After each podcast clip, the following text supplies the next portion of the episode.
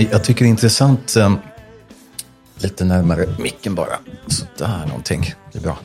Uh, nej men eh, just den här fenomenet med Zelensky, att, att han eh, uh, tas som en, uh, just hela den här debatten med att han är med manlighet, att det är en sån man som vi önskar och, och, och så vidare. Men det, jag tror att det kan ju också vara så att det är någon sorts, ehm, vissa talar om att det blir någon sorts backlash nu efter metoo också. Eh, att, det, att det på något vis är, tiden är inne att rätta till det som har gått för långt, att det har blivit snett på något vis. Precis, det är många, det är många saker som laddas ner i det där dramat på samma gång. Va? Med det här med manlighet, visst, det är ju en eh, aspekt, men det som han gör, eller har gjort, den här Zelensky, det är ju framförallt eh, ledarskap. Jag menar, mm. det kunde lika gärna varit eh, en Margaret Thatcher-kvinna mm. som hade gjort samma sak. Så att jag tycker lite av ett sidospår, det säger kanske på ett sätt mer om oss och vår, vårt kulturkrig, att man liksom ska absolut diskutera i termer av manlighet och så. Jag menar, han är ju en komiker, liksom. han har ju skoj, mm. skojat med liksom den sortens korrupt manlighet och så som de har dragits med där i ja. de här länderna. Va? Eh, så det, det, känns inte som det primära tycker jag, men, men det här att uh, rise to the occasion, liksom det här Churchill och att göra sån skillnad som han har gjort, det är ju det är ett fantastiskt och väldigt överraskande liksom, ledarskap. Det hade man inte förväntat sig nej, verkligen av, inte. av honom med den bakgrunden. Nej. Mm. Eh, nej men just, jag har ju, när, när jag skrev, eh, skrev min bok så hade jag anledning att, att reflektera lite över min egen bakgrund och uppväxt och hur min pappa var och så vidare. Och det, det var någon sorts, eh, där det måste jag ändå säga, även, även om mycket annat var högst problematiskt, så eh, tycker jag att just när det gäller manlighet och så vidare så, så var det en väldigt bra mix, tycker jag. Jag tycker ändå att jag eh, kan se det här någorlunda nu efter alla år på ett ganska objekt, någorlunda objektivt sätt ändå, även om det inte är 100 procent. Men det var ju väldigt mycket att det, var viktigt att vara en riktig man, men det var väldigt, väldigt viktigt också att visa respekt för kvinnor och men också att liksom dela lika på hushållsarbete och så vidare. Så att han, han var ju liksom, även om han tillhörde en, en äldre generation, så var han på, påfallande modern i sina idéer. Men det, det, det där är ju djupt, djupt förankrat i, i, i Polen överhuvudtaget, där min släkt kommer ifrån, att att, att vara man betyder ju, det har väldigt positiva konnotationer. Mm. Eh, det, det, finns liksom inte det här toxisk manlighet och så vidare, även om nej, det naturligtvis är, är macho. Patriarkalt ansvar mer kanske. Ja, och att, ja egentligen, precis, ett gentlemannaideal. Och, det, och som, som finns också i språket väldigt mycket. Man är, det har mm. ingenting med klassbakgrund eller utbildning, eller, utan alla har en, det finns en sorts um, grundläggande artighet och eh, eh, to be civilized liksom, mot omgivningen. Visst, eh, visst. I, i, i språk, och språket är viktigt, ett viktigt sätt att uttrycka sig. Eh, ja, och, och, och som sådana här förebilder så är det ju också li, kanske lika mycket i vad, vad de här eh, papperna och männen inte gjorde och sa som i vad de sa och gjorde. Tänker på min pappa höll något tal till honom när han fyllde 75 och då, och då tackade jag honom faktiskt för det, att, jag, att han aldrig hade liksom talat nedsättande om till exempel kvinnor eller liksom någon folkgrupp eller typ sådär. Uh, och det är en sån sak som man lätt tar för givet kanske då va. Och det är ju mm. det är en mm. slags just grundläggande liksom artighet mm. eller så. För, det, för sånt, klart, det, det, det har ju rätt stor inverkan antar jag, på liksom, eh, när man växer upp. Då. Ja, verkligen. verkligen. Eh, och då sa jag, konstaterade jag att de enda som han någonsin hade talat illa om, det var eh, Sovjetkommunismen. Din pappa? ja, Men... för det hatade han. Ja. Eh, och då hade jag, det här var 1991, då hade jag kommit hem från, jag eh, just varit i Östberlin eller Moskva eller någonting. Och då, och då, fick han en sån här sovjetisk amiralsmössa. För att jag tänkte han hade liksom besegrat eh, Sovjetimperiet mm. med sin liberala attityd. Det gillar han. Men, eh, Men vad intressant, därför att Eh, jag är uppvuxen med det också. Min pappa var ju, eh, vi, vi har ju en och annan oplockad gås i vår släkt, både med, med tyskar och ryssar förstås. Mm, och, och, och, så att jag är, jag är uppvuxen med en pappa som sa, ända så lång tid jag kan minnas, att vi måste gå med, Sverige måste gå med i NATO. Vi måste gå med i NATO.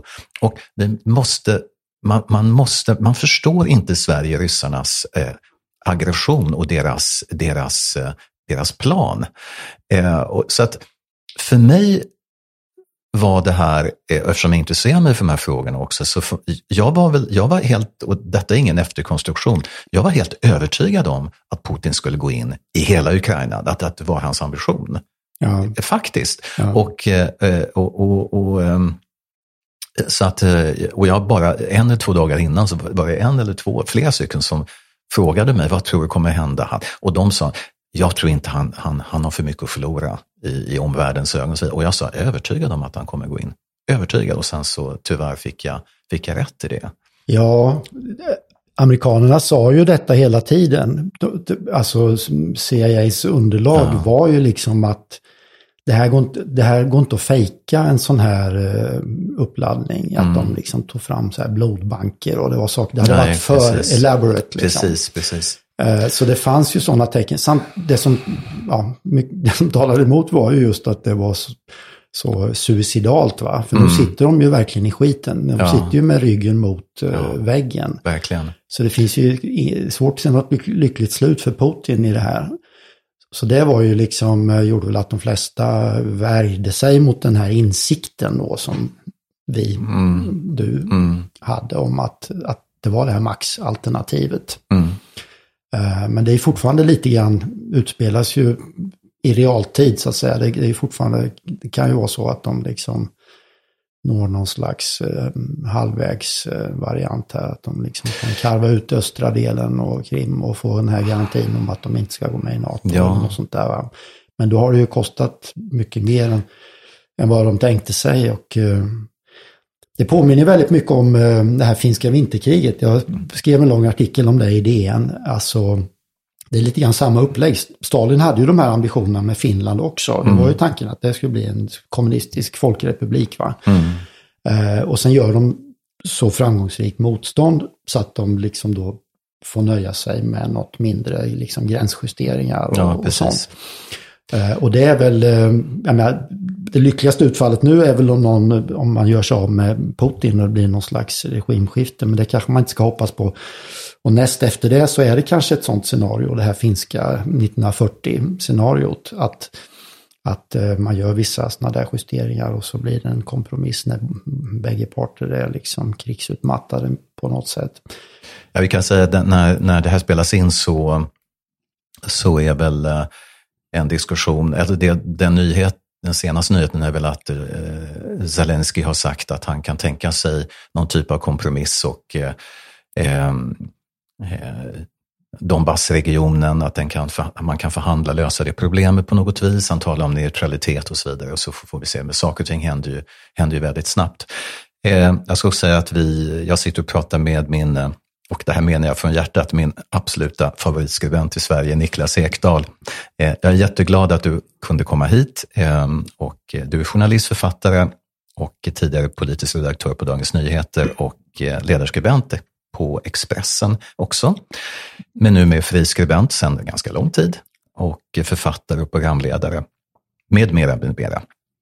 Ja, eh, Ukraina eh, och, och, kriget är i högsta grad eh, aktuellt och eh, det som ett samtalsämne som tror jag kommer att eh, bestå under lång tid framöver och eh, eh också en av, en av eh, gästerna i den här säsongen av min podd Eh, Eh, har ju varit en eh, ukrainsk.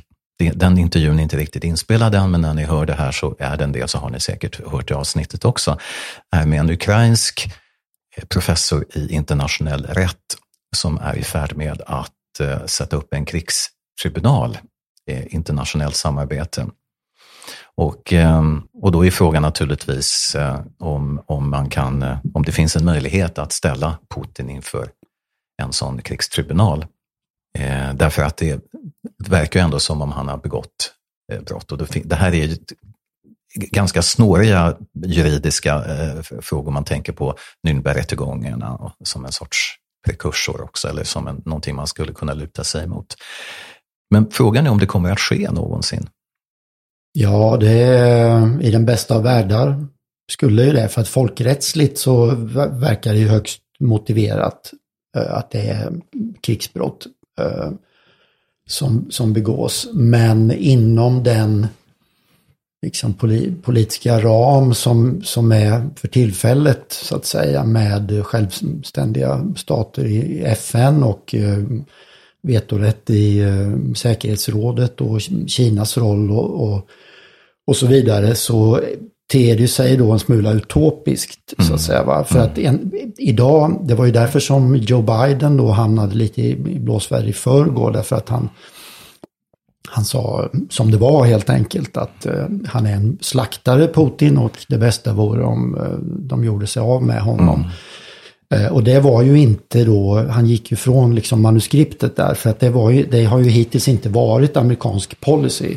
För det är ju mer eller mindre en krigsförklaring så att säga. Om, mm. man, om man liksom har eh, regimskifte som policy så är det en krigsförklaring. Och eh, ja, alla förstår att med liksom 6000 sovjetiska kärnstridsspetsar eh, så är det ju kanske ett högt spel liksom att sikta mot det moraliskt idealiska. Mm. Så.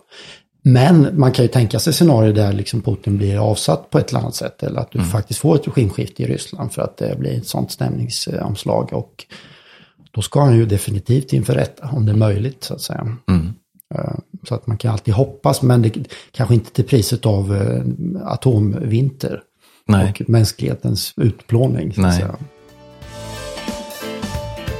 En, en sak som, som jag, eh, eftersom jag följer dig naturligtvis och läser dina artiklar, eh, som du skrev var bland annat att, och det handlar om NATO-medlemskap. Du har ju skrivit att, i en artikel att eh, Vladimir Putin hatar och fruktar ukrainarna för deras drift mot frihet. Eh, men den utlösande faktorn bakom kriget, faktorn som gjort slakten möjlig, är Ukrainas oklara status i förhållande till EU och NATO. Eh, Sverige har inte bara samma färger på flaggan utan också samma dilemma.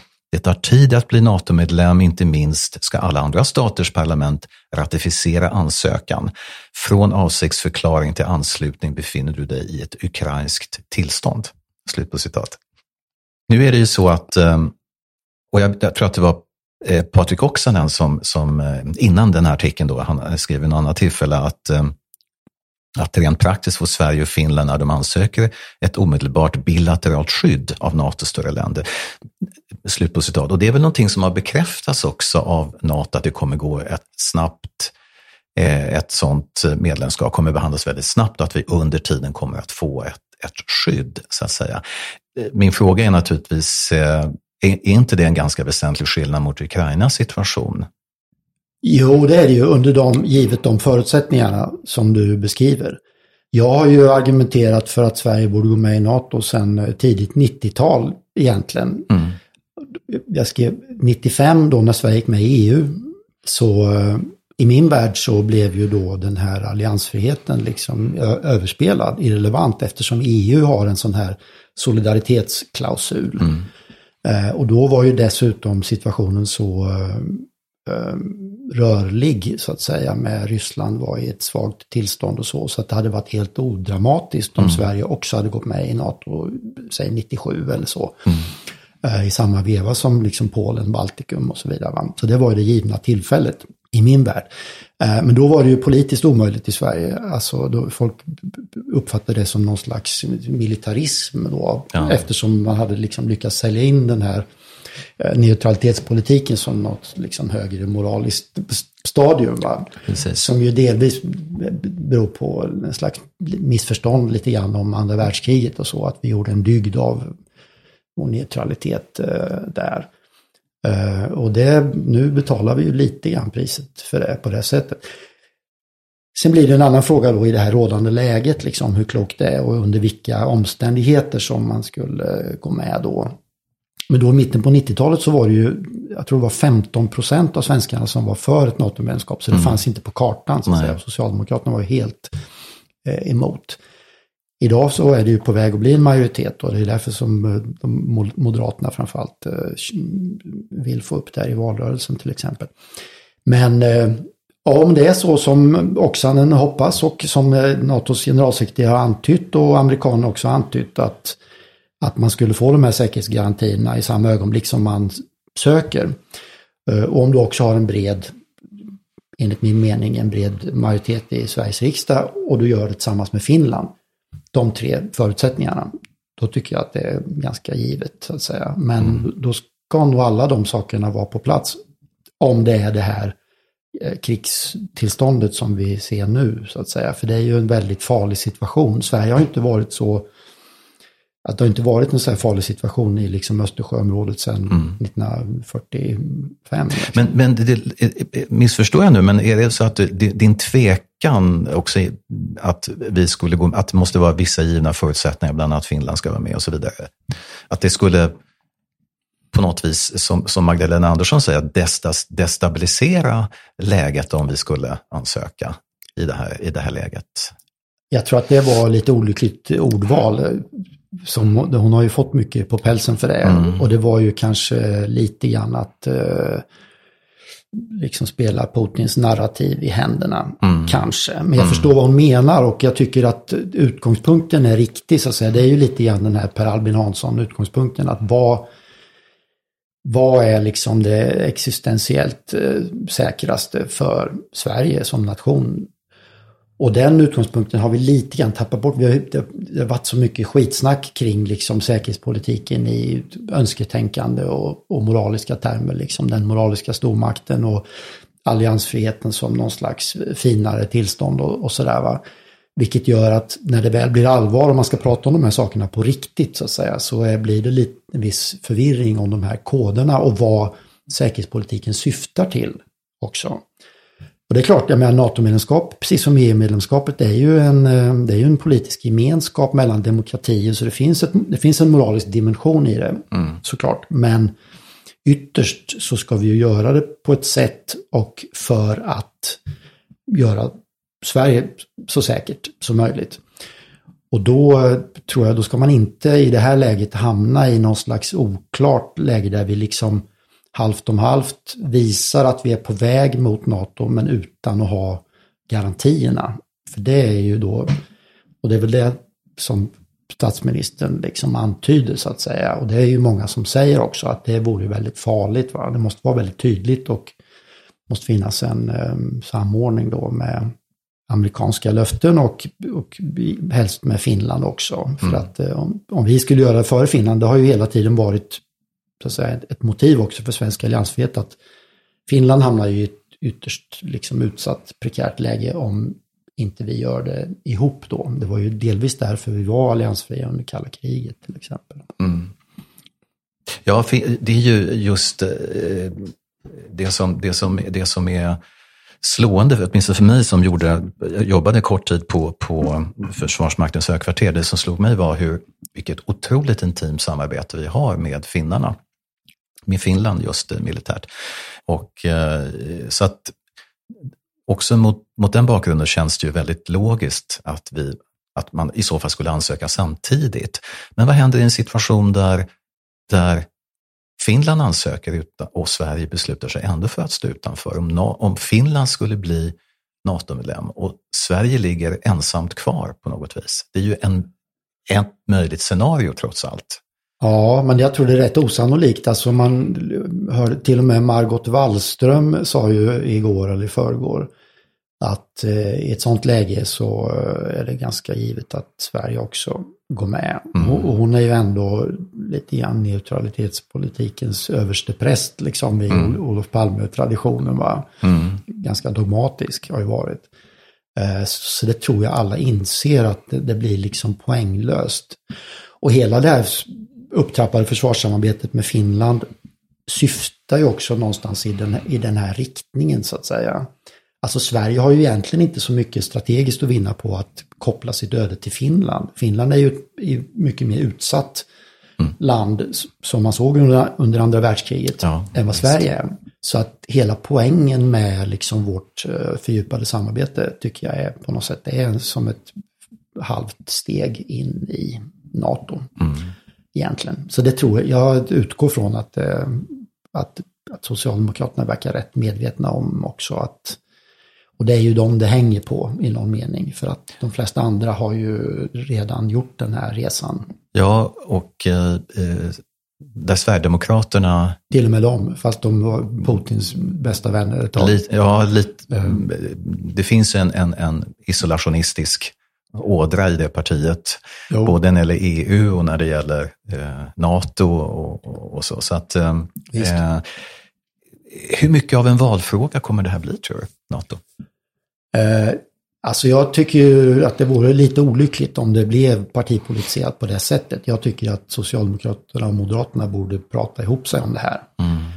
Uh, ungefär som uh, vi hade en samlingsregering då under andra världskriget, liksom när högern och Socialdemokraterna grävde ner stridsyxorna. För att det här är ju ett jämförbart läge. Det är så pass allvarligt. Det här kan ju ta vägen vart som helst.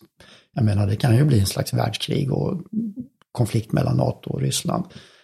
Uh, och då är det inte riktigt läge att skapa osäkerhet i en valrörelse. Men det, visst kan det bli så. Det är ju eftersom opinionssiffrorna svänger ganska fort så är det ju jag förstår lockelsen för Moderaterna för att dels har de ju alltid tyckt så här och haft rätt i mångt och mycket. Och dels eh, så har man nu stöd också i en, liksom en opinions, eh, att folk har kommit till insikt om det här, att det vore klokt och säkert att för mig NATO. Så att det är ju lockande. Så det hänger li minst lika mycket på Socialdemokraterna så att säga. Att försöka undvika att det här blir en, eh, en valfråga. Och det är väl delvis därför som Moderaterna har gjort de här utspelen också. För att lite grann sätta press på, eh, på Socialdemokraterna. Att man ska mm. prata om det. Va? Men det är, det är fortfarande lite grann upp, upp, i, upp i luften. Det är ju för, det är bara någon vecka sedan som Ulf Kristersson skrev på DN Debatt då att han var beredd att lämna in en NATO-ansökan om det fanns majoritet i riksdagen och han vinner valet. Eh, men där skrev han ju också då att så Socialdemokraterna kan inte ha veto i den här frågan. Ja, men så länge de har 30 procent av väljarna bakom sig så har de faktiskt veto, menar jag. Mm. För att för att det ska vara säkert och stabilt så måste du ju ha åtminstone tre fjärdedelar i, i riksdagen så att säga. Och då behöver du Socialdemokraterna, även bortsett från vår historia där då Socialdemokraterna varit liksom det statsbärande partiet. Så att det tycker jag är sakligt sett fel att säga, för de har faktiskt veto. Men eh, man får hoppas att de kommer ur den skyttegraven själva då. Mm det har ju varit ganska, det måste man väl ändå säga, att både Centern och Liberalerna har haft en ganska klar, tagit en väldigt klar ställning när det gäller NATO-frågan sedan många, många år tillbaka. Ehm, så att det, det, det, är klart att det hänger på Socialdemokraterna väldigt mycket, och, men även fin, vad fin, finländarna beslutar om. Och där verkar det gå ganska stadigt åt ett visst håll ändå. Ja, ja, ehm, ja. Så och kanske någon slags växelverkan liksom mellan de här. För att de, de, de finländska socialdemokraterna har ju också haft det här lite grann eh, utmaningen att komma ur liksom sin tidigare position. Då. Och nu är, verkar det vara en dynamik där liksom de här olika partierna och Sverige och Finland lite grann tillsammans växeldrar i, i den riktningen då. Va? Och eh, det verkar ju också Jens Stoltenberg, då NATOs generalsekreterare, liksom, och, och, och den här Biden-administrationen och även den brittiska regeringen som väl kanske är oseriös i andra avseenden, men det finns ändå ganska stabil,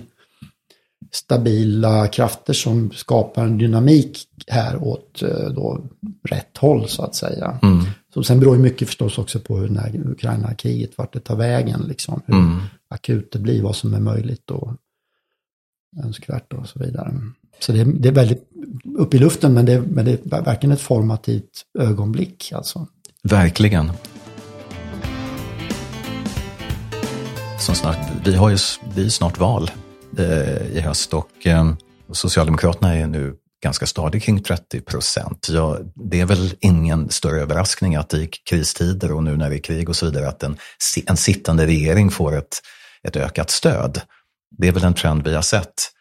Men om man ska försöka spå lite grann i, i några månader framåt in i framtiden när det gäller valrörelsen. Vad, vad, vad ser du som de stora frågorna, det som kommer att eh, diskuteras och vad som kommer eventuellt att hända? Också, jag tänker också på Liberalerna och Miljöpartiets låga opinionssiffror.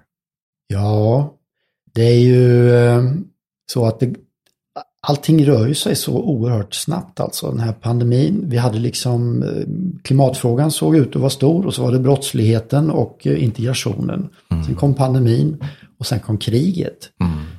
Så Gud vet vad som kan hända på ett halvår fram till valet. Mm. Men det är klart de här grundläggande frågorna om integration och arbetslöshet, skola, sjukvård, klimat så fort det lugnar ner sig med de här liksom krisutmaningarna. Pandemin försvann ju ganska fort som en liksom stor politisk fråga på det sättet. Och eh, det här med kriget är ju då en öppen historia förstås. Det kan ju det kan bli mycket, mycket värre, flyktingströmmen och det här som kommer nu. Och det kan också lugna ner sig i den bästa av världar. Och då kommer ju de här andra liksom traditionella frågorna upp till ytan då. Så det gör ju att det är, ganska, det är lite svårt att gissa vad som kommer att vara högst på dagordningen i valrörelsen. Men eh, som du säger, parlamentariskt så spelar det ju en enorm roll då om Liberalerna och Miljöpartiet tar sig över den här spärren eller inte. Det kan ju mer eller mindre avgöra det här majoritetsförhållandet. Men som det ser ut idag så ligger ju onekligen Magdalena Andersson väldigt bra till. Mm. Det är ganska ovanligt i början på ett valår att en regering efter åtta år med så mycket trassel som de har haft, ganska svag, svaga regeringar får man ju säga, va? att de ligger så bra till. Mm. Och de gjorde ju ett genialiskt vältajmat eh, partiledarbyte där som gav en slags nystart där de också på något sätt då kunde distansera sig från sin, liksom, sina problem, då, sina parlamentariska problem de har haft. Eh, med någon slags nystart där Magdalena Andersson ska vända på varje sten och så vidare, fast de inte har gjort det de föregående åtta åren. Nej, eh, precis. och det har ju uppenbarligen eh, funkat i relation till opinionen. Plus att hon, jag menar, klart hon ger ett stabilt och kompetent intryck och så, men så att eh, grundtipset är nog att, de, att det blir en sån major, samma majoritet som det har varit så att säga. Men med den följer ju då också samma parlamentariska problem att, att hon då på något sätt måste kunna regera med stöd av både Centern och Vänsterpartiet. Som ju inte ens vill sitta i samma rum. Va? Mm. Eh, så det är också lite, och då blir ju kanske grundtipset då att hon i så fall klarar att bli framröstad som regeringsbildare, men att de sen har kvar samma problem med budgetprocesserna. Mm. Eh, och så ska, man, ska vi hanka oss fram på samma sätt då. Det är klart, det är ju inte idealiskt heller, men eh, det, det, det, det är nog grundtipset idag. Jag, tror, jag håller med om det. Jag tror också det. Det, det som jag har hört eh, fortlöpande, eh, inte fortlöpande, men, men då och då från de som är i, när det gäller regeringskansliet och jobbet där. Att, och det är väl ingen större hemlighet heller att, att samarbetet med Miljöpartiet har gnisslat rejält under de här åren. Det har varit en enorm irritation från Socialdemokraternas sida eh, när det gäller det här dagliga samarbetet med, med Miljöpartiet som man har ansett vara både orealistiska och, och faktiskt inkompetenta, eh, har man berättat för mig, goda källor som jag har. Och Eh, så att jag, jag, jag kan ju tänka mig att det var en suck av lättnad som drogs hos Socialdemokraterna när, när Miljöpartiet hoppade av regeringen. Ja, nej men visst, det har ju hjälpt. Eh, man trodde att det skulle hjälpa bägge parter, alltså att det underlättar för, för Socialdemokraterna, det är ju tydligt, och mm. chanserna i valet. Mm. Men man tänkte sig kanske också att det skulle ge Miljöpartiet en bekvämare sits att kunna liksom eh, opponera då lite mer högljutt och vara lite mer radikala i klimatfrågan och så. För det är klart, de har varit lite gisslan också i den här, de har inte heller varit bekväma i den här. Eh, regeringspositionen. Eh, men hittills har det ju inte alls materialiserats. De ligger ju på ett par procent liksom mm. i mätningar. Det tror jag kanske ändå med hjälp av liksom unga väljare som eh, bara att man har namnet miljö i partinamnet. Precis. Borde kunna ge Precis. 4 procent oavsett hur de beter sig. Ja. I princip. Ja. Så att jag, jag skulle tippa att de får 4,2 procent. Det är mm. mitt tips alltså. Men, och kanske även Liberalerna faktiskt, att de... Eh, alltså det finns alltid någonting med un, the underdog och att det blir en medial dynamik där. Och kanske lite stödröster och sånt. Så jag, det skulle inte förvåna mig om båda, både Liberalerna och, och Miljöpartiet faktiskt klarar sig. Men mm. det, det, det, kommer att bli runt fyra i så fall. Ja. Um. Jag tänkte, eh, en, en sak som jag vet du, du eh, skriver en hel del om och som, är, som jag tycker är jättespännande också, eh, om vi blickar ut internationellt nu här, det är Kinas roll eh, när det gäller konflikten i Ukraina. Ja, överhuvudtaget ska jag säga, eh, när det gäller maktförhållandena överhuvudtaget med en växande ekonomi och en, en där man på något vis har väldigt, väldigt bestämda ambitioner det verkar ju som om Kina balanserar på en slak lina just nu eh, och hur de ska förhålla sig till, till Ryssland. Och, eh, hur, hur beroende är Ryssland av Kina och hur tror du att man tänker från kinesiskt håll? Ja, alltså Ryssland är väl i nuläget mer beroende av Kina än vice versa så att säga. Mm. Ur Kinas perspektiv så är de ju mer någon slags riskabel eh, tillgång kanske i att eh, underminera liksom den amerikanska hegemonin lite lagom. Göra livet surt. De har ju den eh, rätt sjuka affärsidén, liksom både Peking och Moskva på något sätt att man har all denna handel med västvärlden och är liksom beroende av ett fungerande internationellt system och sådär. Samtidigt som man högst aktivt liksom underminerade också. För, för, det är klart att den här Kina-regimen, de ser ju USA som den strategiska konkurrenten liksom mm. om, eh, och ett hinder för sina egna strävanden. Och vem som, eh, det, det, finns ju mycket, mycket sug i det här att vara liksom eh, den, nummer ett internationellt så att säga med valuta och annat. Va? Och det är väl den stora strategiska frågan då om det är liksom Kinas eller USAs århundrade vi har framför oss så att säga. Mm. Det är väl det strategiska spelet som, som de spelar. Men där är ju en, ett, ett sånt vansinnigt risktagande som det här Putins krig. Ja, det verkar väl ändå som om kineserna också känner sig ganska obekväma med det här. Mm. I och med att eh, det ger så mycket backlash liksom och att de riskerar att dras in i det här eh, sanktionsbestraffningarna och så. Och också imagemässigt, alltså vilket eh, kolossalt eh, övergrepp det handlar om. Va? Så de har naturligtvis en, en eh, nyckelroll i, den, i det ögonblick som de vänder sig från Putin med när det gäller liksom handel och teknikutbyte och politiskt också med liksom hela narrativet kring det här kriget och, och så. Nu la de ju ner sin röst i, i säkerhetsrådet när man skulle då rösta om att fördöma invasionen. Mm. Men det tolkades ju ändå som någon slags halvt om halvt, ja, det, det var åtminstone inte aktivt politiskt stöd. Nej. Så det är ju Indien samma sak, de la också ner sin röst då. Men eh, det är klart att de har en, en, en, en nyckelroll. Men det betyder nog mer för Putin som sagt än vad det betyder för för Kina. För att Ryssland är ju trots allt, det är ju, Rysslands ekonomi är ju jämförbar med Sydkorea eller Spanien eller Australien eller något sånt där. Det är ju mm. ett skitland liksom ekonomiskt. Mm. Mm.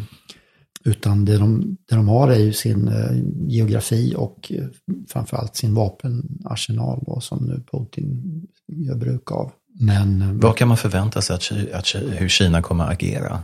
Eh, jag tror väldigt mycket att de väntar och ser nu. Att de är som sagt obekväma med det här och de gillar ju inte förlorare. Alltså om, om, om ryssarna kör fast på det sättet som man uppenbarligen har gjort eh, och drabbas av alla de här eh, sanktionerna och det här enorma liksom image-problemet. så, eh, så tror jag att de blir allt mindre benägna att stötta det här. Samtidigt är de ju liksom paranoida när det gäller liksom amerikanskt inflytande och, och, och så. Och, och, oroliga för att USA ska splittra dem då på det sättet som eh, till exempel Richard Nixon lyckades med 1972 mm. när han då reste till Peking och släppte in Kina i, i världssamfundet. Och det var, hela syftet med det var ju att just eh, splittra Peking och Moskva, liksom den här kommunistiska axeln. Så att kineserna, de, de, har nog ganska många olika sådana här motstridiga uh, impulser kring, uh, kring det här. Och de är ju lika rädda som uh, Putin för att liksom demokratin och det öppna samhället ska fira triumfer, så att mm. säga.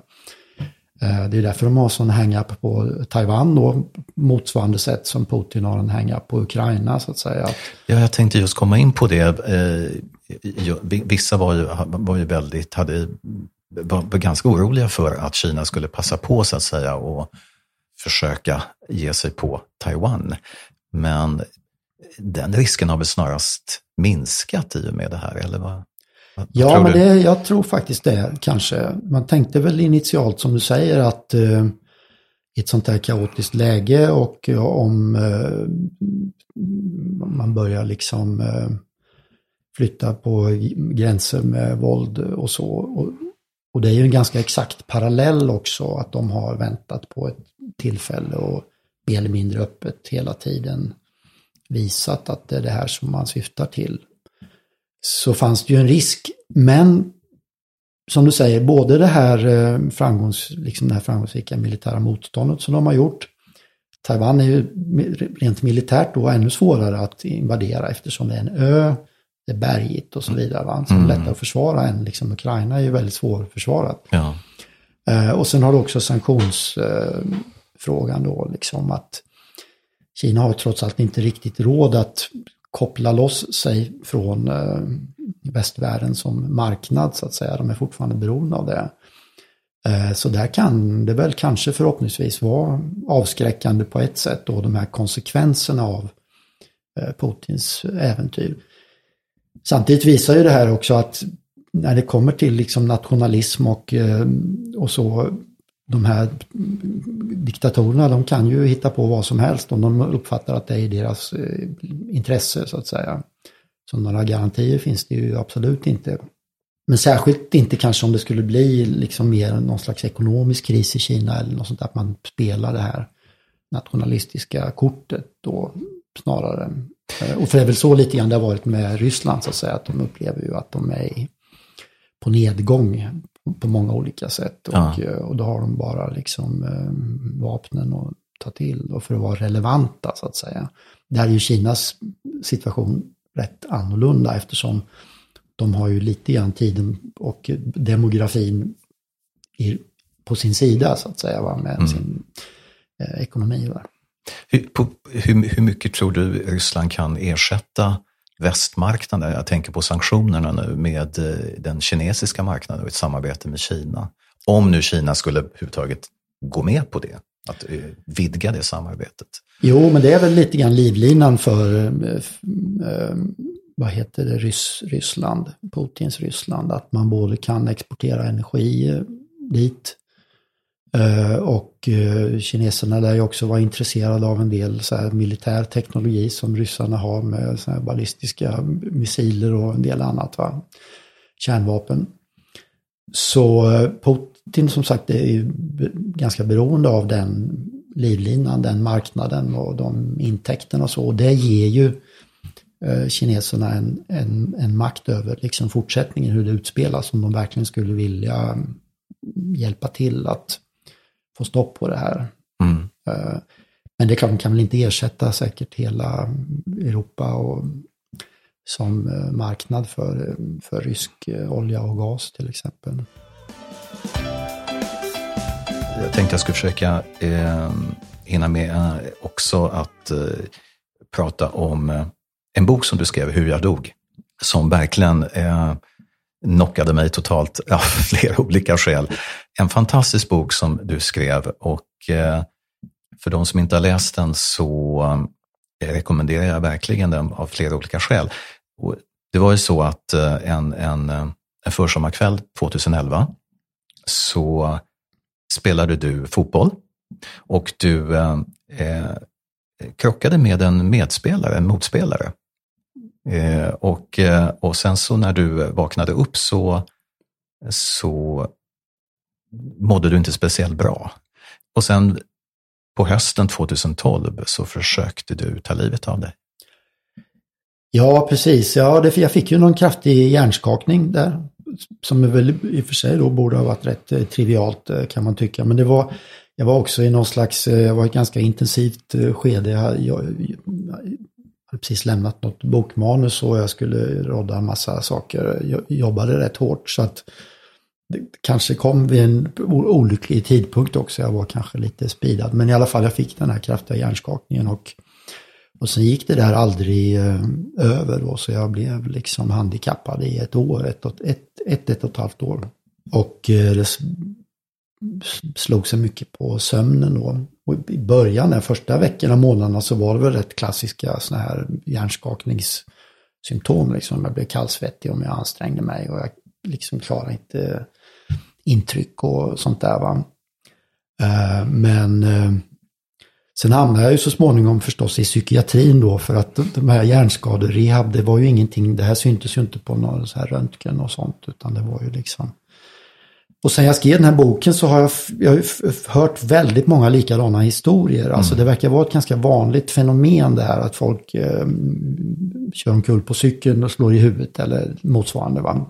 Eh, smäll i huvudet och sen får man väldigt mycket sådana här diffusa eh, kognitiva problem liksom. Mm. Som så småningom då eh, etiketteras som depression. Då, va? Och någon, någon har kallat det för det astenoemotionella syndromet har det skrivits böcker om. Mm. Eh, som också är med liksom skall, hur skalltrauma då ger liksom depressionsliknande problem. Så. Ehm, så jag tror att det finns ganska mycket, dels att vården är lite trubbig när det gäller de där sakerna, för det hamnar lite mellan stolarna. Så finns det säkert mycket att forska på också, det här samspelet mellan liksom kropp och eh, psyke och, och så vidare. Men, eh, nej men som du säger, jag blev sämre och sämre och var helt uppgiven och desperat. Så jag tog massa sömntabletter helt enkelt till sist där. Och då, eh, sent om sidor, jag hade tur och klarade mig från det där. Men och sen så småningom fick jag ECT-behandling då. Mm. Som jag hade väldigt vaga begrepp om. Jag hade aldrig hört talas om det i stort sett eh, själv. Och, så det satt ganska långt inne. Men det funkade då så småningom. Men i och med att jag hade varit utslagen så länge och sen den här överdosen och det så tog det ändå rätt lång tid att komma tillbaka. Eh, men eh, den behandlingen kan, har jag verkligen gott intryck av. Mm. Så att, hade jag kommit till det ett år tidigare så hade jag nog sluppit mycket av det där. För det hade nog funkat tror jag. Va? Men eh, jag har förstått att det är inget som man riktigt kopplar till man använder ju det just för liksom djupa depressioner framförallt. Kanske inte då för folk som har haft en hjärnskakning direkt. Det är inte det, den indikationen. Men jag har faktiskt rekommenderat en och annan, för det är många som har hört av sig till mig och frågat så här, ja, jag har legat i sängen ett år nu sedan jag kör omkull på cykeln, vad ska jag göra liksom? Och då har jag sagt, fråga din psykiatriker om du inte kan få ECT. Och mm. det har i några fall då funkat. Så att eh, jag tror man skulle kunna bredda det lite grann. Ja, och det här, är jätte, det här är jättebra att du tar upp det här med ECT. Jag ska strax bara komma, till, eh, komma tillbaka till det. Men, men, men vad jag förstår, när du, när du, du hade bestämt dig för att, att ta ditt liv och du, du var det inte så att du tog det, du var i, i någon källare eller någonstans? Ja, precis. Jag har lite vaga minnen av det där, men jag tömde alla pillerburkar jag hade helt enkelt. Och så och sen eh, var jag i källaren där, gick jag mm. väl ner i källaren huset där jag bodde då. Vilket tydligen är ganska vanligt att man liksom går undan och lägger sig mm. någonstans. Har jag förstått va. Men, eh, men jag var så pass uppriven där då och det var väl därför som jag några år senare skrev den här boken. Delvis för att just för att lite grann vittna om det där att när man har varit i den situationen för det ter sig då alltid väldigt obegripligt och kanske hänsynslöst också om man har liksom anhöriga och familj, de som gör något i den stilen. Va? Uh, och uh, det känns som att det är mycket det som är, vad ska man säga, lost in translation, att det är svårt att förklara det där. Psykiatriker förstår ju detta, mm. som har sett det förstås, uh, med hur just allvarliga liksom, psykiska sjukdomar är väl det som är den i särklass vanligaste anledningen till att folk liksom gör självmordsförsök. Mm. Förstås, för att det är så pass plågsamt. Va? Det är väl mycket vanligare än när det gäller så, liksom, somatiska sjukdomar till exempel. Eller, mm. eller andra livskriser eller så.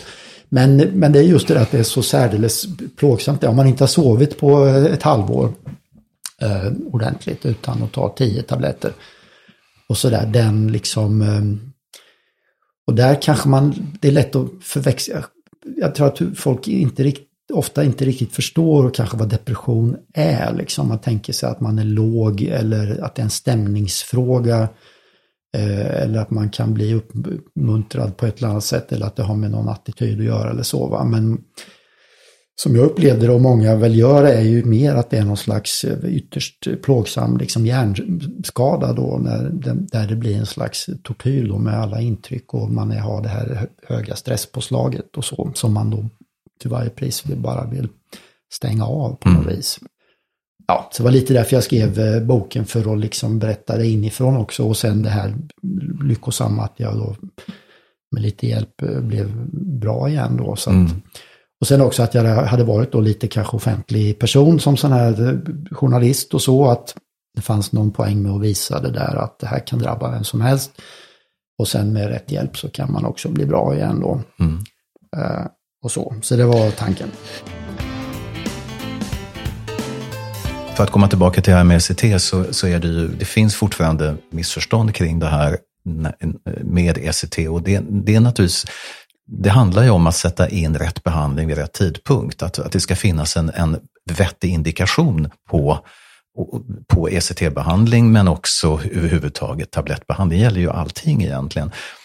Och, och ibland så poppar det upp eh, sådana här skildringar som jag faktiskt kan tycka är väldigt provocerande för mig som då har jobbat med den akuta delen av psykiatrin under ganska många år och slutenvårdsdelen. Där någon företrädesvis någon känd författare skriver att han eller hon har minsann farit illa i vården och fått ECT och så vidare. Och, och, för mig står det ganska klart att an, anledningen till att den här författaren nu har möj, haft möjlighet att skriva den här boken är just på grund av att psykiatrin har tagit väl hand om personer i fråga och givet ECT. Ja. Eh, jag, jag, säger inte att, det är all, att varje ST-behandling är motiverad, men personligen så har jag varit med och att rädda livet på åtskilliga patienter vid det här laget med just ECT.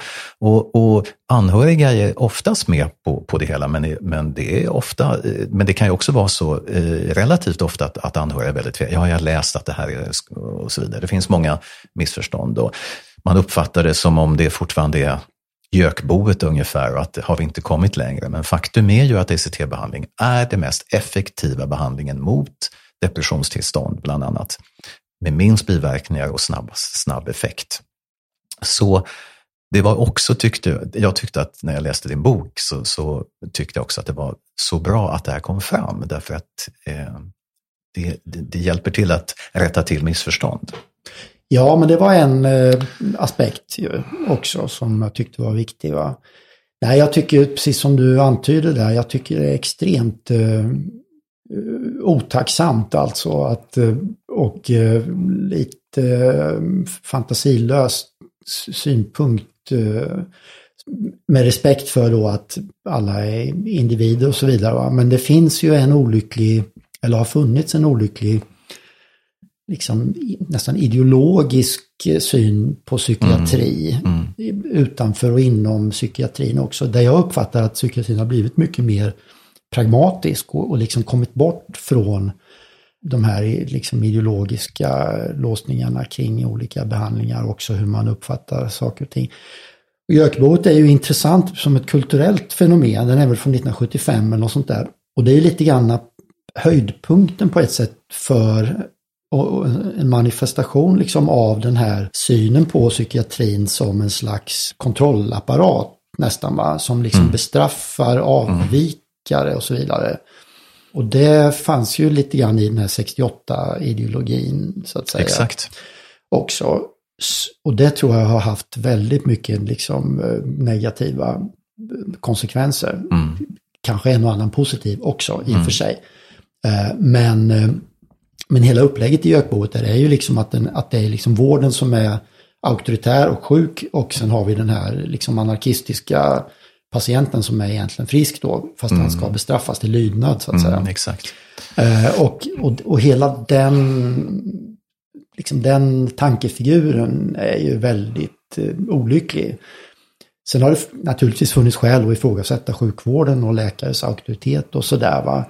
Eh, men jag tror när det gäller särskilt en sån här grej som ECT så har det ju blivit lite olyckligt för att det är ganska tydligt för mig på de här vittnesmålen jag hör och också min egen historia att det satt så långt inne att komma till den här behandlingen så är det rätt tydligt att just mot denna bakgrund så är man ändå ganska återhållsam med det här för att det uppfattas som, ganska som en ganska radikal behandling.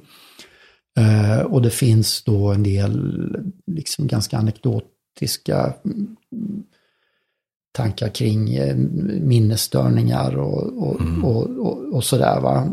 Och, eh, och, att det på något sätt skulle finnas en slags kontroll och hjärntvättsinslag mm. i det hela. Mm. Och eh, min erfarenhet och allt jag har sett och hört av eh, andra i den här branschen så är det ju, alltså det, verkligheten är så långt från där man kan komma. Mm. Det är oerhört väl kalibrerat och väl, väl, skonsamt, oerhört effektivt. Och så, så att jag, min lekmannakänsla är ju snarare att det borde användas mer. Mm. Uh, och att man kanske är liksom för försiktig med mm. det. Uh, men som sagt, jag är ju inte någon expert utan det är bara vad jag har liksom snappat upp då.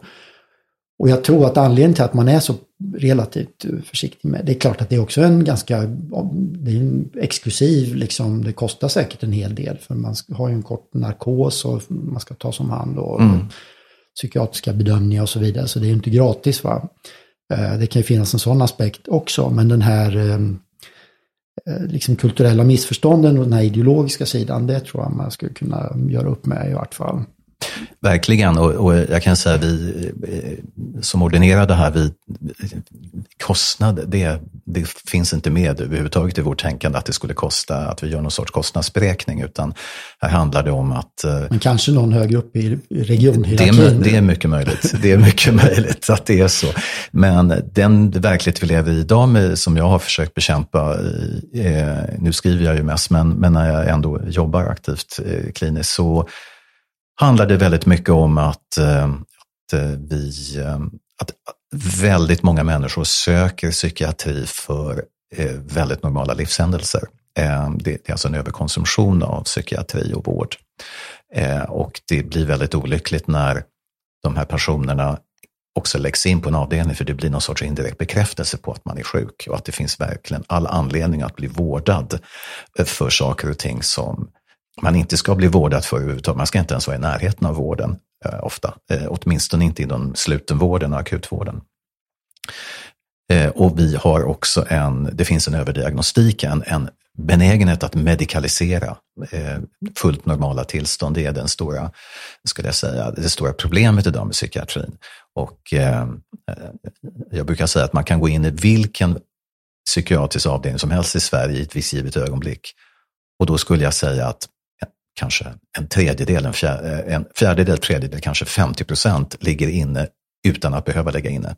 Mm. Av olika skäl. Det kan vara att de eh, just har sökt för saker och ting som och har lagts in då kanske en jourläkare tänker, ja men du kan få ett dygn inne. Men, men det betyder också att man öppnar en dörr till någonting som det är svårt att komma utifrån, till ett rum det är svårt att komma utifrån. Men det kan också vara att det är brist på uppföljning.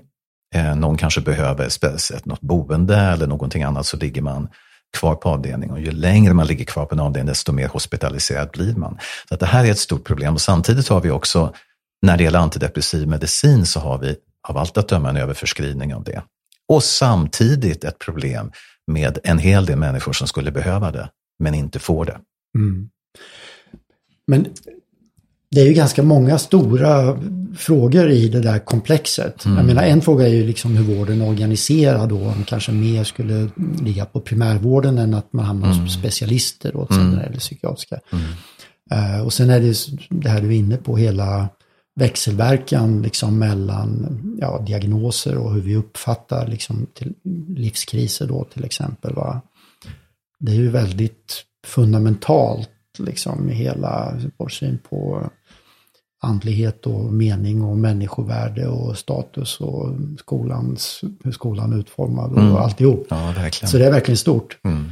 Men utifrån, finns det några snabba klipp? Är det något liksom, vad, vad, tänker du som lösningar på de problem som du beskriver där? Alltså något som man ganska enkelt, vad borde man ge sig på för att komma åt de där, de där problemen då, överdiagnostik till exempel? Och... Det, det, är en, en jättelik pedagogisk uppgift, eh, eh, väldigt mycket för oss eh, läkare. Och det, tyvärr finns det ju kollegor till mig som, som till och med tycker att, att det är psykiatrins uppgift att gå in i varenda liten detalj i en människas privatliv. Och jag värjer mig verkligen mot det där. Jag tycker att det är... därför att problemet är ju naturligtvis att om man belägger platser med människor som skulle må mycket bättre av att slippa vara inneliggande, så ökar ju köerna och man berövar de som verkligen behöver vård eh, den sängplatsen. Vi har ju begränsade resurser. Så att det här handlar ju om att vi inom professionen måste sätta ner foten på ett helt annat sätt. Jag har ju känt mig rätt ensam i det här eh, under, under många år. Eh, ja, det finns ju, jag skulle nog säga att väldigt många, till och med de flesta, skulle hålla med mig, men när man väl står där så gör man inte riktigt som man tänker. Och problemet då är att om jag driver det här eh, och har gjort ganska hårt ibland och eh, så har, har jag ju naturligtvis fått betala ett pris för det.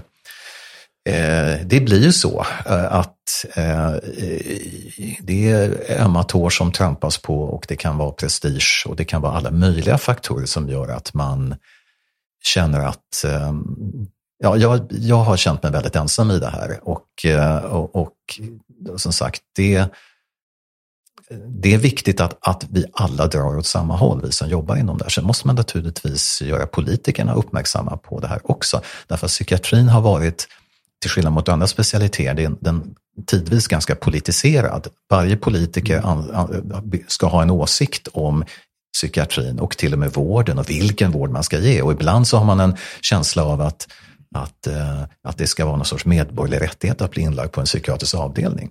Och så är det ju naturligtvis inte. Lika lite som det är inom andra specialiteter. Nej, men visst. Men det, det, är ju, eh, det är ju extremt viktigt och värdefullt att sådana som du diskuterar de där sakerna. För det är, ju, det är ju inte helt okomplicerat. Det, det gäller ju liksom att hålla flera tankar i huvudet samtidigt. Mm. Jag menar om folk lider så lider de. Då behöver man ju kanske någon att prata med. Man Absolut. behöver hjälp och så vidare. Va? Absolut. Eh, och sen är frågan då vad, vilka instanser och hur det ska se ut och vad som är ett medicinskt problem och inte. Mm. Och i, i viss mån så är det väl oundvikligt att, att, att man kanske behöver en, en läkarbedömning i något eh, läge, men mm. att man kanske borde kunna differentiera lite mer då, liksom krisstöd, själavård och vad som är liksom eh, medicinska interventioner. Mm. Så, för Exakt. det är lite det du är ute efter. Ja, precis. För, för att det, om inte annat så för att det ska bli effektivt och hjälpa liksom de som verkligen behöver uh, hjälp. Mm. Men, men också en större fråga liksom hur vi hanterar kriser och, och, problem och så. Och där är det är klart, det är ju tänkvärt med statistiken över liksom hur den här diagnosinflationen mm. förstås. Mm. Som den säger väldigt mycket men också kanske rätt komplicerade saker liksom om det här eh, hur det skär sig liksom i mötet mellan samhällets krav och helt normala personlighetsdrag. Va? Jag menar, förr så var man blyg liksom, eller inbunden. Och nu så, så, så, så hamnar man på autismspektrum mm. och kanske. Eller man hade liksom hyperfokus eller någonting sånt där och var liksom väldigt aktiv. Och innan skolan var så teoretiskt orienterad så var det inget problem. Men nu har man ADHD då liksom. Eh, så att det är väl ganska uppenbart att det är liksom normala mänskliga. Och sen kan man ju lätt se och förstå hur det blir onda cirklar av det här. Att du liksom om du inte kan få livet att funka då i utbildning och arbetsliv och sånt där så blir ju lätt kanske psykiatrin då en slutstation så att säga mm. för många. För man mm. är så för, förtvivlad. Men då är ju kanske depressionen eller vad det nu kan vara, ångesttillståndet, sekundärt egentligen till den här misspassningen mellan samhällets krav och så vidare. Och det är klart, det är en mycket större fråga än, än bara hur man organiserar psykiatrin. Men eh, som handlar om liksom hela vårt, vårt samhälle. Men, eh, men det tror jag psykiatriker har en enormt viktig funktion i också hur vi pratar om liksom skolan och sådär. Det är ju många andra, så vad heter man, Martin Ingvar som mm. pratar om att skolan inte är utformad efter hur hjärnan faktiskt Exakt. funkar och så, och vilka konsekvenser det får och så. Den, vi har ändå en ganska upplyst eh, diskussion om de här sakerna då, även om vi inte har tillräckligt bra skola till exempel. Exakt, och skolan är, är enormt viktig. Eh, och eh, Martin Ingvar har ju helt rätt i det här att man inte har tagit hänsyn till det. Det var lite tabubelagt det här med att det faktiskt finns biologiska skillnader mellan flickor och pojkar. Och, till exempel. Och, och, och så, så att, eh, men det, det, den diskussionen får vi fortsätta någon annan gång, för nu är tiden ute. Ja. Tack så hemskt mycket, Niklas Ekdahl, att du gästade min podd. Det var en högtidsstund. Tack Stefan, synnerligen intressanta ämnen. Vi får fortsätta tack. någon annan gång. Ja, tack. Tusen tack.